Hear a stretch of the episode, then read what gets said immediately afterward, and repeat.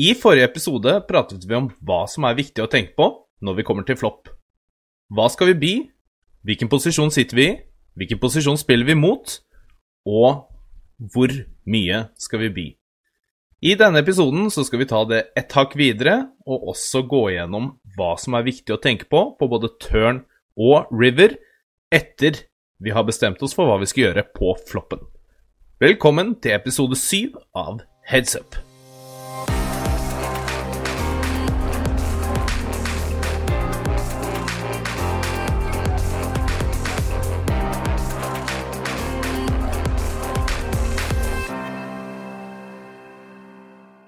Så, nok en episode.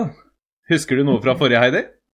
Ja, jeg husker veldig godt. Det, det, jeg syns det var veldig interessant det du sa om hvor mye vi skal by, avhengig av hvor mange eh, big blinds vi har igjen. Og så likte jeg også det der som egentlig var ganske nytt for meg. liksom Hvordan skal du by på flopp hvis det er en statisk eh, flopp, og hvordan skal du by hvis det er en dynamisk flopp? Altså hvor mye?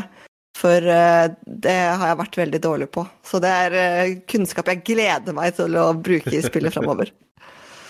Ja, og det er jo Altså, det høres jo veldig mye mer heavy ut enn det det er. Jeg har fått litt tilbakemeldinger på at det her kanskje kan være litt sånn heavy stoff for nye spillere, men jeg tenker det er like så greit å hoppe ut i det, og så kanskje man skal øve litt på det når man spiller. At man bare har i bakhodet sånn Anser jeg den floppen her sånn statisk eller dynamisk? Og mm. for de av dere som ikke har hørt forrige episode, eller kanskje det er lenge siden dere har hørt den, så en statisk flopp er en flopp hvor hvis du har en bra hånd, så kommer den mest sannsynlig til å være bra på turn og river også. Så når du er på river, så har du fortsatt en sterk hånd. En dynamisk flopp er en flopp hvor hvis du har en bra hånd på flopp, så kan det fort hende at turn og river gjør at hånda ikke er like sterk. F.eks. at du har eh, floppet to par, men det ligger et flushedrag og et eh, stritdrag i bordet, og at en av disse kommer på turn eller river, som gjør at to par er fortsatt en sterk hånd, men det finnes mange hender som kan slå den, rett og slett. For uh, i dag så skal vi jo snakke mer om hvordan spille på turn or river. Og jeg syns det er litt vanskelig, kanskje også fordi at det, uh, jo lengre ut på en måte i uh, spillet du kommer, jo, jo, sjeldnere har du vært der. ikke sant? Jeg har jo sett, uh, jeg har spilt mye mer preflopp enn postflopp. Jeg har spilt mye mer på flopp enn på turn, og mye mer enn på river, fordi Ja. Uh, men hva, tenk, hva er liksom Når turnkortet kommer, Oskar, hva er liksom det første du, du, tenker da? Det du sier, er faktisk veldig logisk. Det at vi har øvd mye mer på alt det andre. Det blir litt som når du er heads up i en turnering du har jo ikke øvd på å spille heads up, så det, det er der penga ligger. Men uh, de færreste øver på det. Så det er jo en veldig logisk tilnærming, må jeg si. Men mm. når dette turnkortet kommer Altså, vi tar jo utgangspunktet her at du bare spiller mot én motstander, og at det var du som høynet før floppen. Det her er på en måte en rød tråd som vi har hatt et par episoder nå. Og for de av dere som tenker ja, men hva gjør vi når vi spiller mot mange andre, eller hva gjør vi når vi ikke høynet selv eh, før flopp? Det her skal vi ha i andre episoder, men vi må starte et sted, og det her er det scenarioet som vi oftest møter på, da. Så vi skal spille ballen litt videre på det med dynamiske og statiske bo, uh, bordstrukturer. Og på turn uh, Vi skal gå litt sånn generelt. På turn så er det egentlig veldig viktig å tenke Hvis vi begynner på flopp, og motstander synet, hva er det de faktisk kan ha? Og kan dette turnkortet treffe dem bedre enn oss? For det har veldig mye å si på om vi velger å by lite, velger å by mye, eller om vi må begynne å sjekke. Og da kan jeg jo bare ta det dynamiske bordet som eksempel, som vi hadde forrige episode. Vi har den 6-7-9-floppen. Og hvis vi da byr La oss si at vi hadde 79, sånn som vi hadde forrige episode. Så byr vi flopp, vi blir mye, og vi får syn. Og så kommer Tørn kommer en tier. Det er jo da et av de verste kortene, sånn sett. For alle åttere vil nå gi en straight. Som gjør at hånda vår gikk fra å være en veldig, veldig sterk hånd til å være en hånd som kan være slått av mye av det motstander syner et høyt bud på flopp med. Og i de scenarioene hvor bordet forandrer seg til favør av motstander, så må vi begynne å pottkontrollere, som det heter. Jeg sier ikke at vi skal kaste hånda vår, men vi burde ikke være interessert i å putte masse chips i potten her. Så la oss si da at denne tieren kommer, eh, motstanderen din eh, som sitter foran deg, altså snakker før deg, eh, sjekker. Hva, hva gjør du da? Her trekker jeg tilbake. Og jeg sjekker Hva? ikke Ja, Alltid? 100% det, altså Det er jo et scenario hvor hvis vi får betalt, eller hvis vi får syn Ikke hvis vi får betalt, det er to forskjellige verdener. Hvis vi får syn, så er vi veldig ofte slått. Mm. Og så er det Ja, motstander kan syne med 7-6 suit, f.eks., som er to lave par. Eller motstander kan fortsatt syne med pocket konge. Det var helt tilfeldige eksempler, men altså, det er fortsatt hender vi har slått. Men poenget her er at vi, vi, vi sjekker ikke for å kaste River. Vi vil bare ikke at potten skal bli ukomfortabelt stor på River. Og godt, en, en god huskeregel her er rett og slett hva gjør vi hvis vi blir check-race? Altså, hva gjør vi hvis han eller hun sjekker, vi byr, og de høyner? Mm. For da hater vi livet. Det er enkelt og greit. Ja, vi har tre niere, men hvis motstander høyner, så er det veldig, veldig mange ganger de har en straight. Av og til så kan de finne på noe tilfeldig bløffing, eller ikke tilfeldig, fordi de kan rett og slett anse budet vårt som svakt.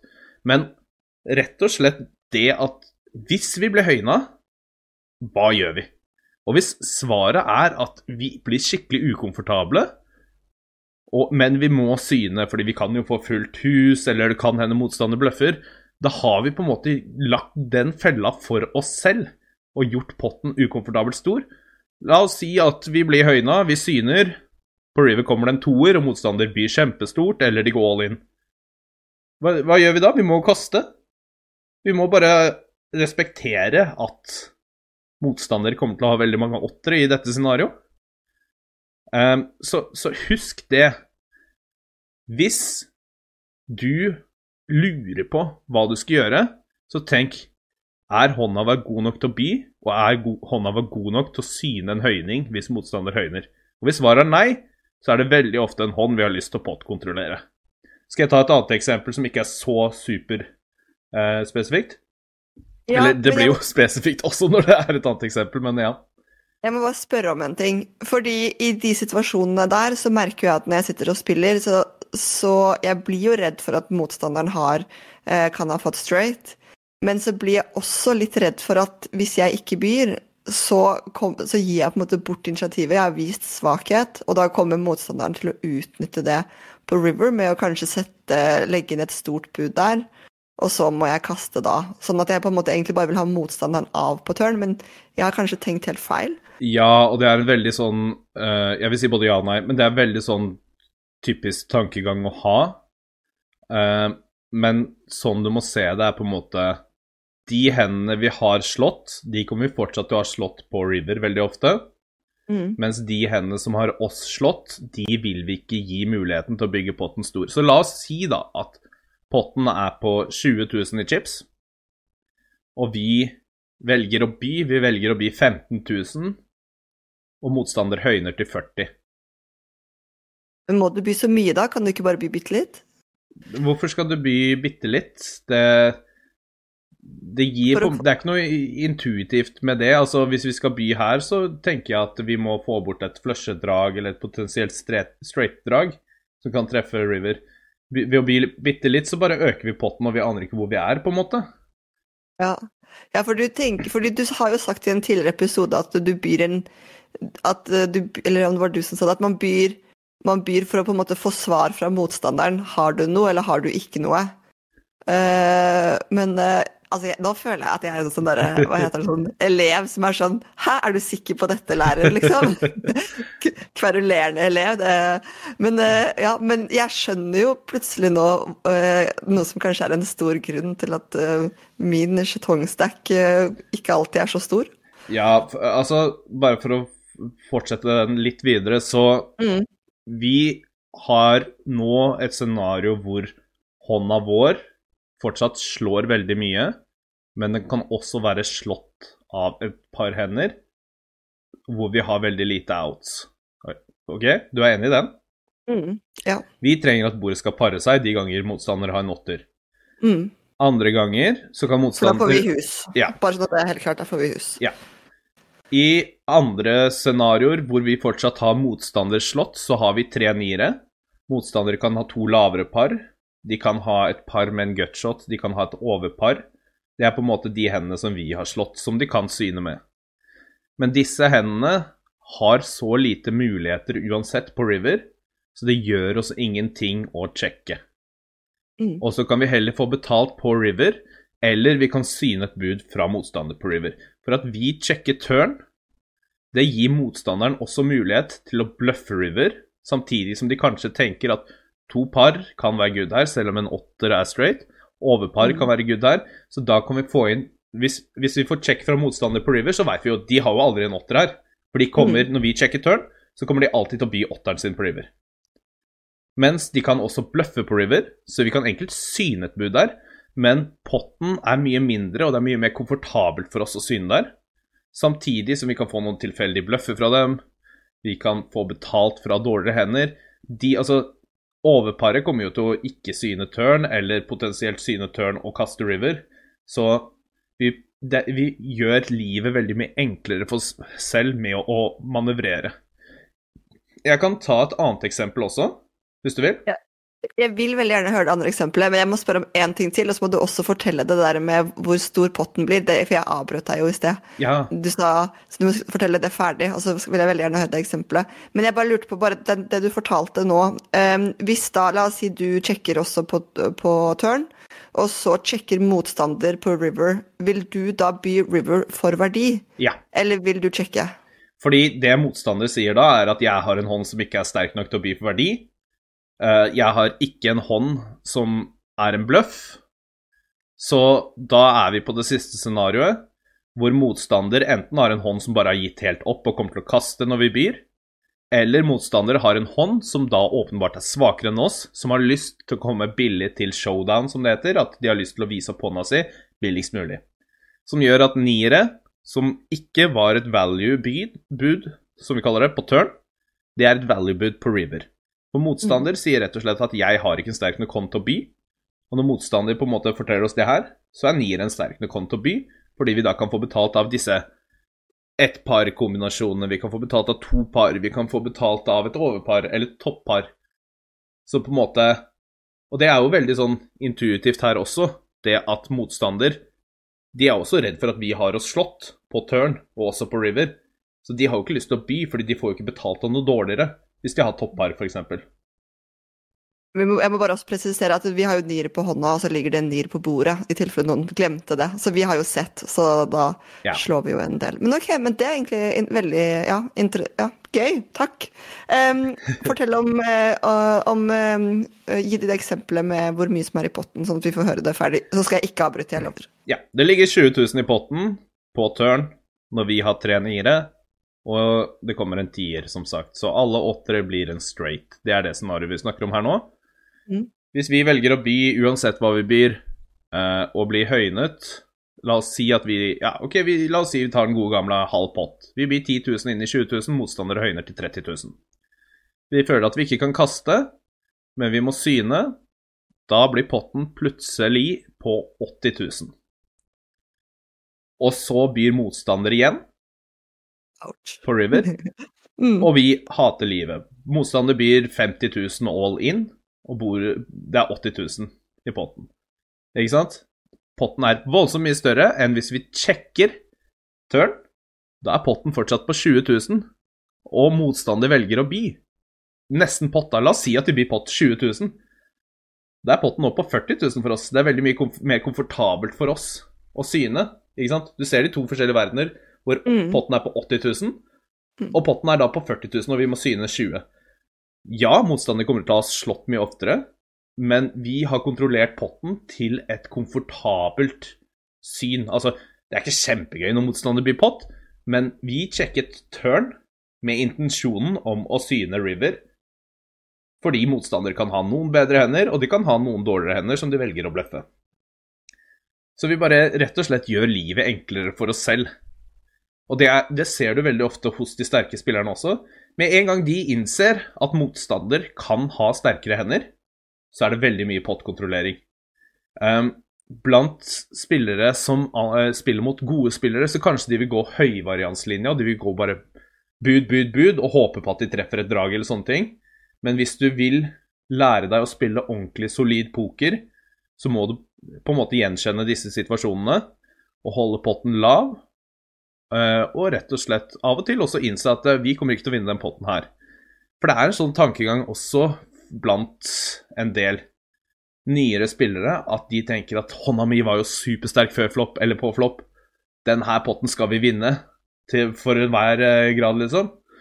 Men så innser de ikke at bordet har forandret seg, motstander kan enkelt ha deg slått og så taper du ekstremt mye mer chips enn hva du hadde trengt å gjøre.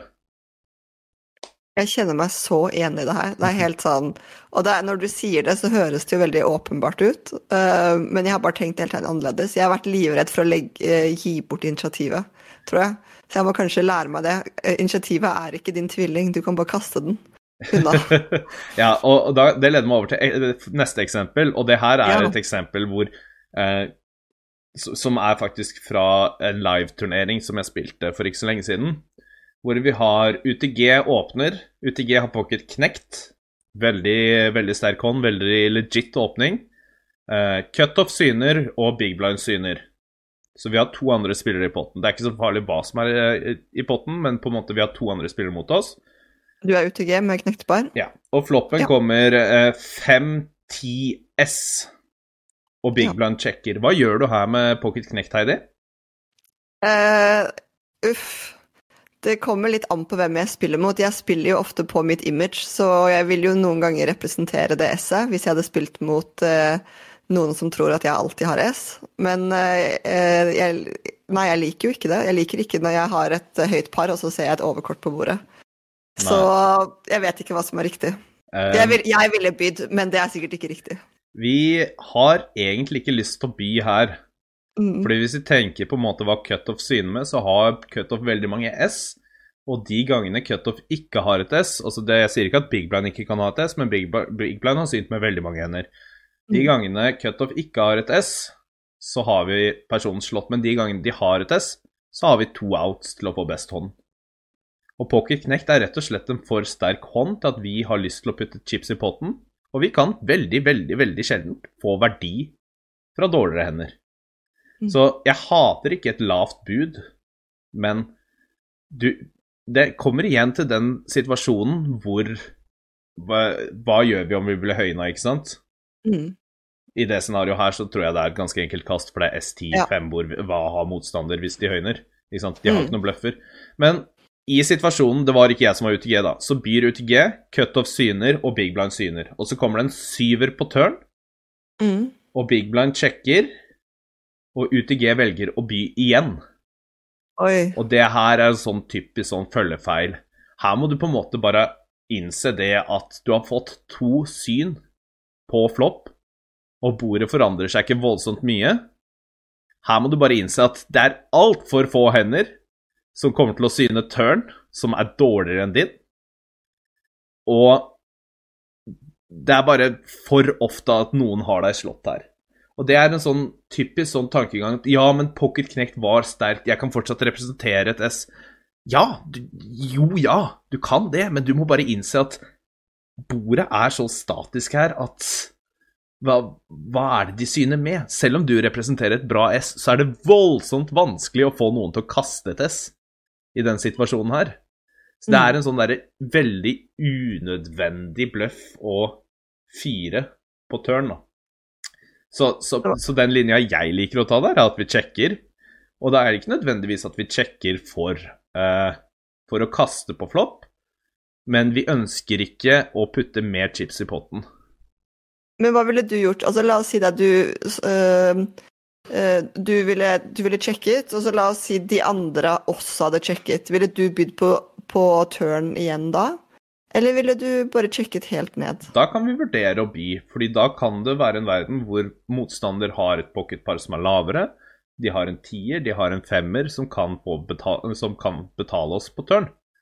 Men vi må også huske at cutoff her Cutoff kan helt fint ha S7 suit, f.eks., og velge å sjekke flopp fordi de er redd for at vi har et bedre S. Og vi kan også komme tilbake til det scenarioet da hvor vi har et S selv og sjekker. Fordi vi er jo Altså, det er to situasjoner her. Enten så har vi en hånd som er medium-sterk, som vil pot-kontrollere, sånn som i det første scenarioet vårt. Eller så har vi en hånd som er så sterk at vi bryr oss ikke så mye om motstanderen får se et gratis turnkort. Og det er en veldig sånn klassisk tankegang her. At folk sier sånn Ja, men hvorfor bydde ikke? Du vil jo ikke at motstanderen skal kunne få se et gratis turnkort.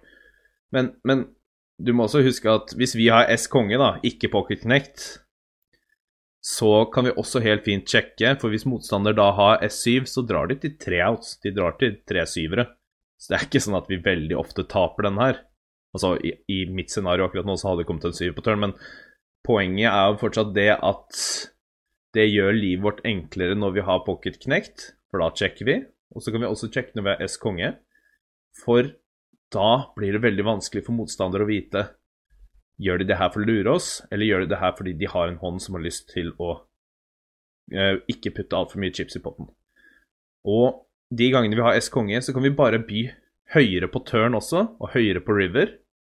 Rett og slett fordi da kommer motstanderen til å tenke sånn Ja, ja, men de sjekka jo flopp, så, så, de kan ikke ha så sterke hender. Men så har vi jo egentlig det. De gangene vi har pocketknekt, så kan vi kanskje sjekke igjen for å holde potten lav for å by river, eller vi kan by turn og checke river. Rett og slett så må vi bestemme oss hvor sterk er vår hånd i forhold til hva som treffer bordet. Hvor mange gater for verdi kan jeg få? Er det sannsynlig at motstander kan ha en bedre hånd? Hvis det er en ganske stor sannsynlighet for det, sånn som det scenarioet her hvor noen kan ha et S, så må vi begynne å sjekke. Vi vil ikke bygge potten her med pocketknekt, og når vi har S konge, vi vil bygge potten, men vi kan like så godt gjøre det på turn og river, og få godt betalt da. Mm. Ja, for det tror jeg også er en sånn ting som jeg, når jeg tenker på det nå, ofte gjør feil, er at jeg byr alltid på flopp når jeg har truffet, og, og da kaster jo folk veldig ofte. Um, sånn det, det, er en, ja, en, lur måte å gjøre det på. Men jeg lurte også på Du, um, du nevner jo at du vil sjekke, men hva ville du gjort da med knektepar i UTG, den situasjonen du snakker om nå, hvis du sjekker, og så byr cutoff også sine big blind? Um, jeg har egentlig bare veldig lyst til å la hånda gå. Det er noen scenarioer hvor cutoff bare tenker ja, de sjekka, de har ikke test, vi, vi byr. Men uh, jeg liker også det. Nå skal vi ikke gå altfor mye inn på multiway, som det heter, at vi kommer flere mm. til flopp, men jo flere kokker på kjøkkenet, jo strammere må vi være. Altså, jo, jo, mer sannsynlighet er det for at noen kan ha en bedre hånd da, når vi har en medium-sterk hånd. Mm. Så ja. du kan syne flopp, men hvis det blir bud igjen på turn, og du ikke har truffet en av to knekter som er igjen, så må du jo kaste uansett, ikke sant? Mm. Så det er Gjør livet enklere for deg selv. Ikke finn disse marginale situasjonene hvor du byr flopp, og så byr du turn med en helt medium hånd. Det blir det samme som om vi hadde hatt tiknekt, eller knekt ti, på det bordet. Ikke sant? Vi har midtpar. Og de situasjonene hvor vi har en veldig medium sterk hånd, har vi ikke lyst til å putte masse chips i potten. Fordi de gangene vi får syn, så aner vi ikke om vi er bak, vi aner ikke om motstanderen har et drag. Um, og vi har gjort potten ukomfortabelt stor igjen, sånn som i det andre scenarioet, da. Eh, men hva skjedde i hånda, da? Jeg lurer på hva skjedde videre? Uh, det var veldig, veldig rart. Men uh, jeg var cutoff, jeg kasta, og Big Blind sa jeg hater den situasjonen her, for jeg taper alltid med den hånda her. Og så viste han pocket konge og kasta. Så akkurat i den situasjonen her så klarte knekter å få konge til å kaste. Men det er ikke Og det er også en ting jeg kan ta med, fortelle videre. Her, her synte Kings i Big Blind før flopp istedenfor å høyne. Og så kom det et S på bordet, og så hata han livet. Mm. og det her, det her, blir sånn der følgefeil også. Du høynet ikke med konger. Det kom et S i bordet, og så begynner du å se spøkelser. Motstander overspilte hånda si. Uh, og de klarte å få deg til å kaste den bedre, men ikke gå i den fella at 'Å ja, men jeg fikk Kings til å kaste der', og så tenker du at du må gjøre akkurat det samme neste gang du har en lignende situasjon. Det er ikke sånn at du spilte hånda perfekt bare fordi du vant potten.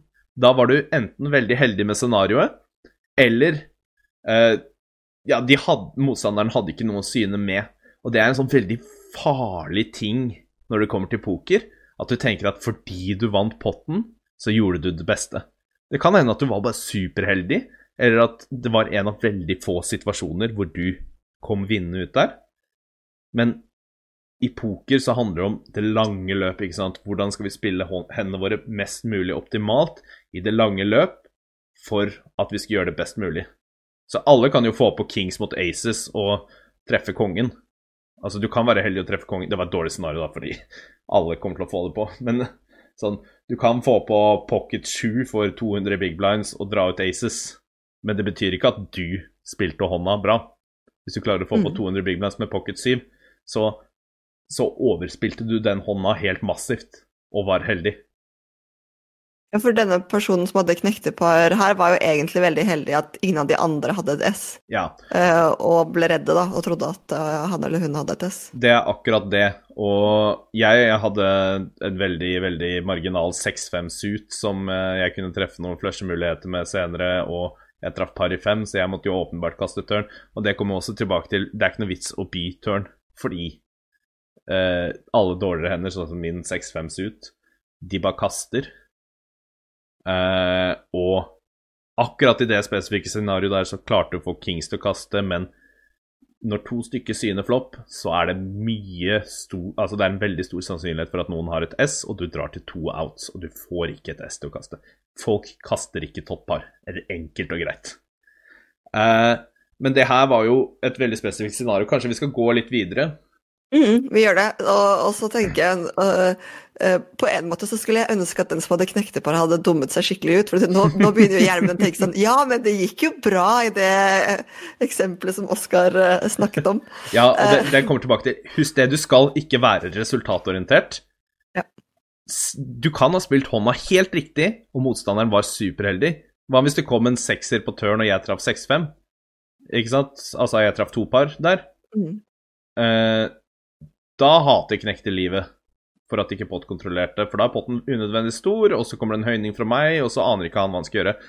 Men det, det er på en måte at du har skapt det dårlige scenarioet selv. Og i poker så handler det ikke nødvendigvis om å runne best eller å øh, vinne mest. Altså åpenbart så gjør det jo det òg, men det handler om å innse at når vi har veldig, veldig medium hender, så må vi tape minst mulig. Og mm. jeg pratet mye om hvordan de gode spillerne er veldig gode på å hente verdi de gangene de eh, er best. Men de gode spillerne er også kjempegode på å innse at her må det pott-kontrolleres. Dette er ikke en pott hvor jeg kan spille for hele stack-størrelsen min, altså alle chipsa mine. Dette er en pott hvor jeg kan være bak, jeg kan være foran, vi vil ikke at denne potten skal bli ukomfortabelt stor, sånn at vi må kaste hva som kan være best hånd. Mm.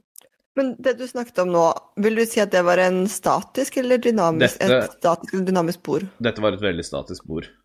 Ja. Altså det er Har du et bra S, så har du en god hånd. Mm. Og et bra S kommer til å være en god hånd på turn, uansett hva turn kommer, og på river.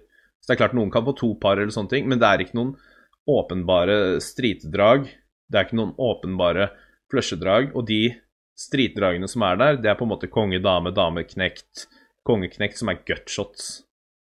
Og de, de, har ikke veldig mye equity, som det heter. De kan treffe De kan treffe ett kort, eller da fire, altså har du knekt, dameknekt, så kan du treffe fire konger på Turner River for å få straight.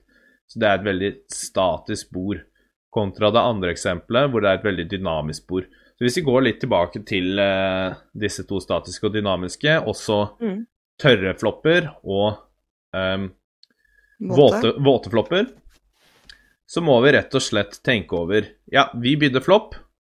Har bord, bordet og bordstrukturen forandret seg noe? Kom det det som vi kaller en uh, god gammeldags brick på turn? Eller kom det noe som kan gjøre at motstander enten traff flush, straight eller to par? Du må Men, forklare hva brick betyr. En brick betyr rett og slett Kom det et kort som ikke forandret noe på bordstrukturen. Et godt eksempel på det her er vi har den 6-7-9-varianten, og så kommer det en toer, en hjerter to på turn. Det kommer ikke til å hjelpe motstander noe som helst.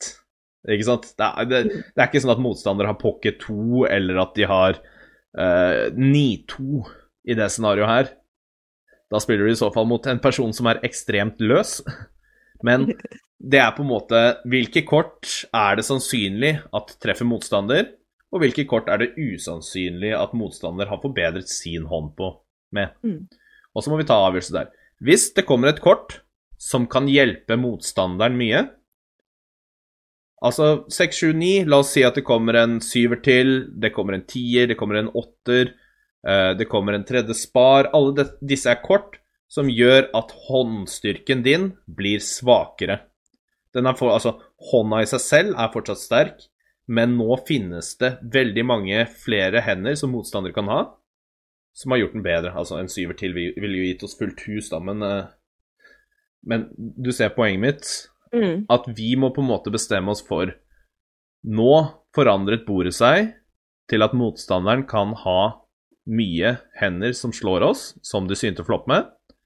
Da må vi pottkontrollere. Og nå snakker jeg jo veldig sånn våte og dynamiske bord eh, hvor de kan ha veldig sterke hender, men det, kan også, det her kan også være Vi har S konge på S konge Nei, på S10 5-bordet. Ok, skal, nå skal jeg bare lage et helt nytt scenario. Vi åpner, Big Blind syner, bordet kommer S10-5, og vi har S-konge. Vi blir jo åpenbart for verdi her på flopp. På turn så kommer det et, en femmer til. Vi har ingen femmere. Vi har S5 suit og pocket 5. Da har vi quads eller vi har fullt hus. Det er de to hendene vi har, ut av alle hendene som vi kan ha. Mm. Fordi du åpner tidlig. Ja, fordi vi åpner fra en posisjon hvor vi har veldig få og sterke hender, ikke sant? Mm. Sånn som vi snakket om i preflop-episoden. Så når det kommer en femmer til, S10-5-5 er nå bordet, så kan Big Blind ha veldig mange femmere. Og det er ikke sånn at han eller hun kaster en femmer på flopp selv om vi kan ha S. De, de tar seg et turnkort og ser om de treffer bedre, ikke sant? Så allerede her må vi begynne å tenke kanskje vi skal sjekke her. Vi kan de, men hva gjør vi til et race? Ikke sant? Hånda vår gikk fra å være veldig, veldig sterk til å fortsatt være sterk, men det finnes hender hos motstander som gjør at hånda vår kan dra nærmest dødt. I de scenarioene hvor motstanderen har en femmer her, så har vi to S vi kan treffe for å få et fullt hus, ikke sant, høyere hus. Um, så da kan vi helt fint med god samvittighet sjekke og det argumentet du hadde lyst til å bruke, at har du lyst til å gi motstandere et gratis riverkort? Ja, det, det, går helt fint. For de gangene vi er slått, så er vi knust. Og de gangene vi er foran, så kommer vi fortsatt til å være foran på river. Mest sannsynlig, ikke sant? Hvis motstanderen har S9 her, på S1055, så ja, de hadde synt et turnbud, men de kan også helt fint syne et riverbud. Mm. Og den kommer tilbake til den vi pratet om i stad også, hvis vi sjekker turn for å pottkontrollere fordi vi vil ikke bli eh, høynet på turn Hvis vi byr der, og motstander høyner, så det er sånn Åh, virkelig traff du den femmeren? Men så må du jo syne, for du har S-konge, ikke sant? Så aner du ikke hvor du er på river når motstander byr igjen. Hvis vi sjekker der, så kan motstander helt fint be river, men igjen, vi har sørget for at potten er mye lavere, og vi kan syne. Hvis motstander da sjekker river igjen, uansett hva river er, så kan vi by hardt for verdi, for da tror vi ikke at motstanderen kommer til å sjekke noe som slår S-konge. Så igjen så gjør vi livet lett for oss selv, rett og slett. Når du sier det blir hardt, hvor mange prosent av potten tenker du da på, på, på River der? Jeg, eh, jeg, kommer til å angripe alle motstanderens dårligere S. La oss si at det kom en syver på River nå, og motstander sjekker. Bordet ble S10557. Her blir jeg pott. Ja. For hvis vi har sjekka turn, eh, så kommer motstanderen til å tenke sånn Ja, de har gitt opp. Men de, eller de tenker sånn Ja, de kan ha bedre S. Sånne ting. Men hvis motstander da sjekker, så kommer jeg til å by høyt. Fordi veldig mange motstand, motstandere tenker på må måte den måten som er mest vanlig å tenke på. Rett og slett det at Ja, men han sjekka jo tørn. Han har jo ikke noe sterkt her. Og så syner de med f.eks. en tier. De syner med et medium sterkt S. Så ved å sjekke tørn og så by høyt på river, så har vi på en måte også hentet igjen den verdien som vi kanskje kunne fått på tørn. Så rett og slett så gjør, Ja. gjør vi livet enkelt til at vi ikke kan bli raisa på tørn. Når bordstrukturen forandrer seg til at motstander kan ha bedre hender, samtidig som de gangene motstanderen ikke velger å bli river, så kan vi hente opp igjen den verdien fra svakere hender eh, som vi har slått, da. Tenker, men eh, planen din er likevel også at hvis motstander byr river, så skal du syne. Ja. Mm. Men den kommer også tilbake igjen på prinsippet til pottkontrollering. At vi har en medium sterk hånd nå, eller vi har en ganske sterk hånd, men vi kan være slått, så da må vi pottkontrollere. Og så kan vi la motstanderen bli. Og av og til så kommer motstanderen til å vise en femmer, og det er helt greit, fordi da fikk ikke motstanderen muligheten til å race oss på turn, Mm. eh, og også by river, og så vet vi ikke hva vi skal gjøre. Altså, hvis vi byr turn på race, og så syner vi, så ender vi opp med å også syne river veldig ofte med S-konge, og så bare vise motstanderen veldig opp, ofte opp en femmer, ikke sant? Så har vi lagd et scenario hvor potten ble kjempestor, Mm. um, og vi bare ga dem masse chips. Hvis vi sjekker turn, og de blir river, så kommer vi fortsatt til å tape hånda, men vi gjorde at potten ikke ble like stor. Og, øh, og tapte mindre, rett og slett, da. Egentlig veldig interessant det du sier, for det høres for meg ut som at eh, pottkontrollering egentlig handler om å sjekke mye mer. Ja. Uh, og det, ja, det er, er lurt. Og det har jeg ikke tenkt på før. Jeg, har, jeg tror nok at det er veldig flaut å innrømme. Jeg vet ikke om jeg tør å innrømme det, men jeg, tror, jeg, jeg har nok egentlig tenkt at pottkontrollering betyr å by lite. For å ha, lit, ha en ja det, post. det er ikke helt riktig. Du, kan, du kan jo ha det som jeg. kaltes for et blokkerbett. Ja. At du, du er usikker på hvor du er, og du har bare Det er gjerne når vi spiller ut av posisjon, da. Et blokkerbett betyr at jeg byr veldig lite, med intensjonen om å kaste hvis motstander høyner, for da er vi alltid slått. Men du byr veldig lite istedenfor å sjekke og la motstanderen by veldig mye, og så må vi syne det. Så Det er på en måte det som er et blokkerbud. Det er ikke like eh, populært i moderne poker som det var for 10-20 år siden, men man ser det fortsatt. Eh, rett og slett at du prøver å sette prisen med din mediumsterke hånd, istedenfor at du skal la motstander bestemme prisen med hva som kan være en bløff eller en sterkere hånd. da. Kan ikke motstander da utnytte det ved å by hardt? Og så Jo, forteller ikke du sånn 'jeg har en medium-hånd, så derfor eh, men det er da det er litt kult, fordi hvis du har lyst til å blokke by, så kan du også blog- blokkeby fulle hus. Du kan ha flushen og by lite bare fordi du håper på at motstanderen skal gjøre det. Og det blir litt sånn der metagame at uh, av og til så blir vi lite når vi har uh, et medium sterkt toppar, ikke sant? mhm. Og så er det veldig, veldig mye som slår det. Av og til så har vi Vi har nuts, vi har S konge i spar, og det ligger tre spar i bordet. Og så blir vi lite bare for at vi håper på at motstanderen skal tolke det som svakhet og høyne. Jeg håper jeg skal spille mot deg en gang, og så håper jeg at jeg kan få gjort det. Jeg elsker blokkbud, men jeg, jeg har bare brukt det hittil for at jeg ikke har lyst til at oh, det, skal, det burde du ikke si til meg, Heidi. Fordi nå- det, er, altså, det blir litt det samme Folk er ikke balanserte i blokkebudene sine. ikke sant? Det er sånn ja, Jeg blokkebyr, og hvis jeg blir høyna, så kaster jeg. Og hvis du Mm. bare har blokkebud som er mediumsterke hender som har tenkt å kaste til høyning Åh, gjett om jeg kommer til å utnytte det, ikke sant? Det ja, er men Nå vet jo jeg det, så nå skal jeg blokk, legge ned et blokkbud, og så skal du tro å ja, du har en mediumsterk hånd, og så skal du race, og så skal jeg re-race igjen, og så kan du kaste. Men jeg, jeg elsker å blokkeby med supersterke hender også, spesielt hvis jeg mm. spiller mot aggressive motstandere. Uh, som la oss si at jeg har hatt flushedraget hele veien, og så traff jeg i bånn. Og så er potten på sånn 20 big blinds, eller 20 000 er enklere å si, og så blir jeg sånn Jeg blir 4000. Ja. Og så tenker den aggressive motstanderen Nei, nå skal jeg blåse han av. Høyner til 25 000. Jeg bare Oh, step into my web. Men hva gjør du da? Da racer du igjen, eller? Ja, og så får jeg snapkaste. Men uh, det, det handler litt igjen på know your eh, image og know your enemy-type. At eh, du, du, du kan fint gjøre det mot de aggressive spillerne, eller de du anerkjenner som gode spillere, som tolker sånn blokkebud som veldig svakt.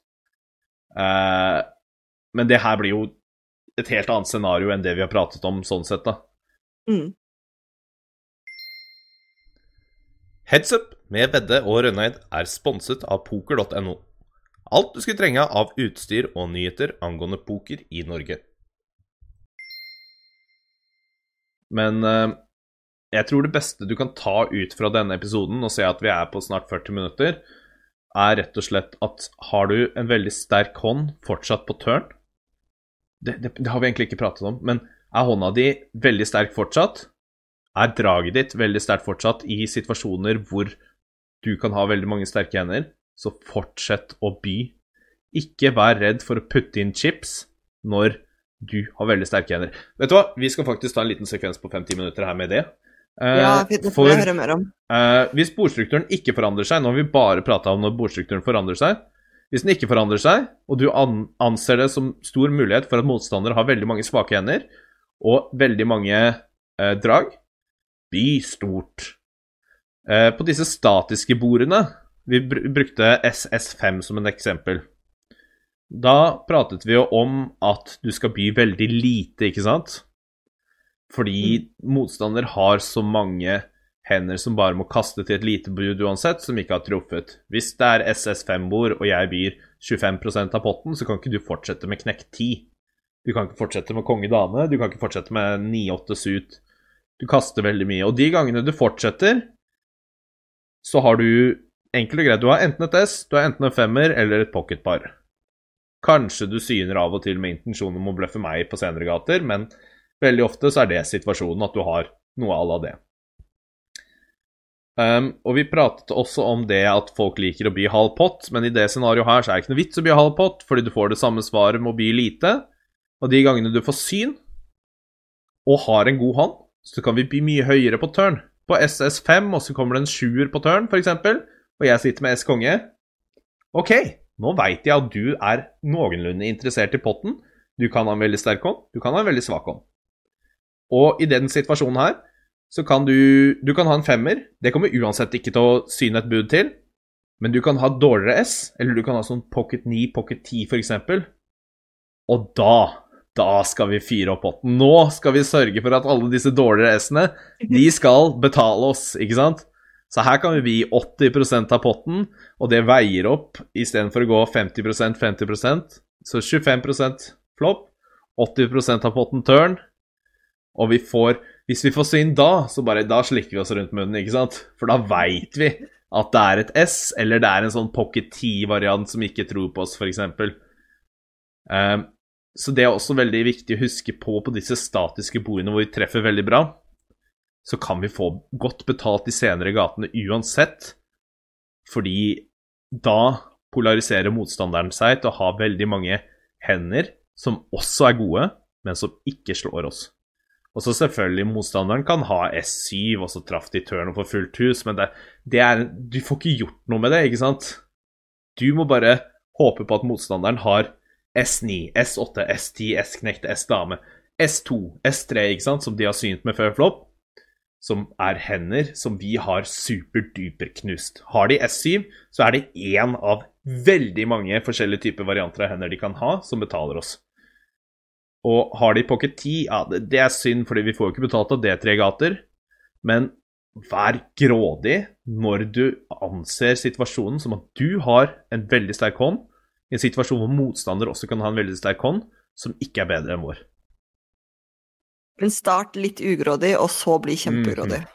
Mm. Og, og, de gangene motstander syner, og vi sitter med knekk 10 eller dame 10 som bare uh, bydde 25% så er det sånn OK, greit nok. Vi, vi får bare gi opp, liksom. Men da har vi bare ofra 25% av potten for å prøve å vinne, ikke sant? I en situasjon hvor motstander har veldig mange hender som bare må kaste uansett til et lite bud. Og når de syner, så har de, har de noe som helst treff, da. Det er ikke Og så tipper jeg du kunne kommet med det motargumentet at eh, ja, men da veit jo jeg at du kan ha knekt 10 og bi 25% Ja, men det er fortsatt supervanskelig for deg å syne med konge dame. Fordi alle S slår deg, alle pocketpar slår deg. Fortsatt, selv om du har 9-8 suit, så er jeg jo fortsatt foran deg. Det er liksom sånn Det er så vanntett på disse statiske bordene å by lite og få den informasjonen. For selv om motstander tror at du er bare ute på den derre røre CBT-turen, og du kan bare ha to tilfeldige kort, så har du fortsatt veldig mange av de sterke korta òg, ikke sant. Selv om vi har pocket knekt, så kan vi by 25% eller én big blind. For da får vi betalt alle femmerne, og så kan vi begynne da igjen, hvis vi får syn med pocketknekt og bordet kommer en syver, så kan vi enten velge å by lavt igjen for å targete en femmer eller lavere pocketpar, eller så kan vi begynne å potkontrollere, ikke sant. Fordi når motstander syner så kan de ha syner, så kan de ha noen S, og da må vi potkontrollere turn. Og så ender vi mest sannsynlig opp med å syne River, og de kan ha et S, men de kan også ha en femmer. Eh, så med en gang vi er medium-sterke, sånn som at vi har Pocket på SS5, så kan vi ikke gå tre gater for verdi, som det heter. Vi kan ikke bli flop, turn og river og få av en, syn av en dårligere hånd. Med S konge så kan vi gå tre gater, og vi kan få syn av en dårligere hånd. Mest sannsynlig så kommer de til å kaste en eller annen gang på veien, men de gangene de har en, et dårligere S, så må de betale oss tre gater. Så, det er bra for oss. Da får vi stor skjetong her, og det er, det er gøy. så, så, en fin liten hjemmelekse til dere som hører på, er å tenke Er dette en statisk eller dynamisk flopp? Og hånda mi, hvordan korrelerer den med bordet? Er dette en hånd jeg kan by tre gater for verdi? Hvis turn og river forandrer seg, må vi begynne å sjekke? Eller kan vi bare fortsette å by fordi hånda vår er så sterk hele veien, sånn som S-konge på SS5-bordet, at vi kan få betalt av masse dårligere? Vil vi pumpe potten opp til at vi kan få mest mulig, eller finnes det scenarioer på turn eller river hvor motstander kan ha oss slått, og vi må pottkontrollere og vi må sjekke tilbake?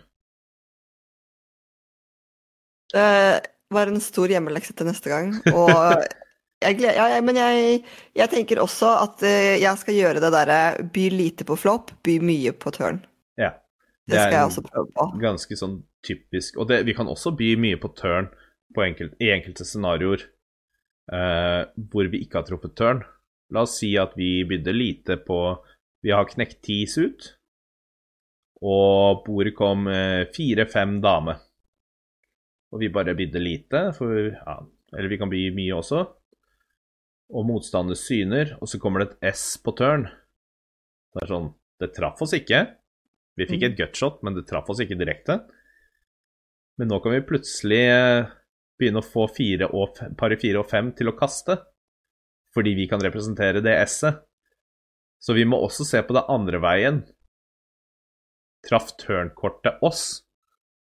Og hva vi mest sannsynlig representerer? Mm. Ikke sant? Det er ikke bare det at hvert turnkort kommer til å treffe motstanderen bra nok og vi må pottkontrollere. Plutselig åpner turnkortet muligheten for at vi kan fortsette å bløffe. Eller f.eks. at turnkortet ble en andre spar, og plutselig har vi et flushedrag som vi ikke hadde på flopp. Og så innser vi at uh, her kan vi få både pari fem og pari fire til å kaste hos motstander, eller hvis de synte ganske light, da, som det heter, med S-høy på flopp, så kan vi plutselig begynne å få de type hendene til å kaste. Mens vi, samtidig, hvis vi får syn, så kan vi ha uh, equity, altså vi kan treffe flushen vår på river. Man må også huske at uh, når bordet favoritiserer oss, så kan vi fortsette å bløffe. Ikke bare at vi må pottkontrollere de gangene bordet favoritiserer uh, motstander på turn. Mm. Det er ofte en sånn typisk sånn situasjon hvor jeg velger å bløffe. Jeg har 10-9 spar, jeg bomma helt på bordet for det kom dame 5-4. Jeg legger inn et lite bud, motstander syner. Det kommer spar konge på tørn, så bordet er konge dame 5-4, og vi har 10-9. Det er her sånn typisk klassisk eksempel hvor bordet treffer meg bedre. Fordi vi har alle de høye kortene. ikke sant? Vi kan helt fint ha truffet den kongen, og jeg har ti høy. Mm. Her er en situasjon hvor jeg vil by mye på turn som en bløff. Hovedsakelig for å få motstander til å kaste par i fem, par i fire eller S-høy. Mm.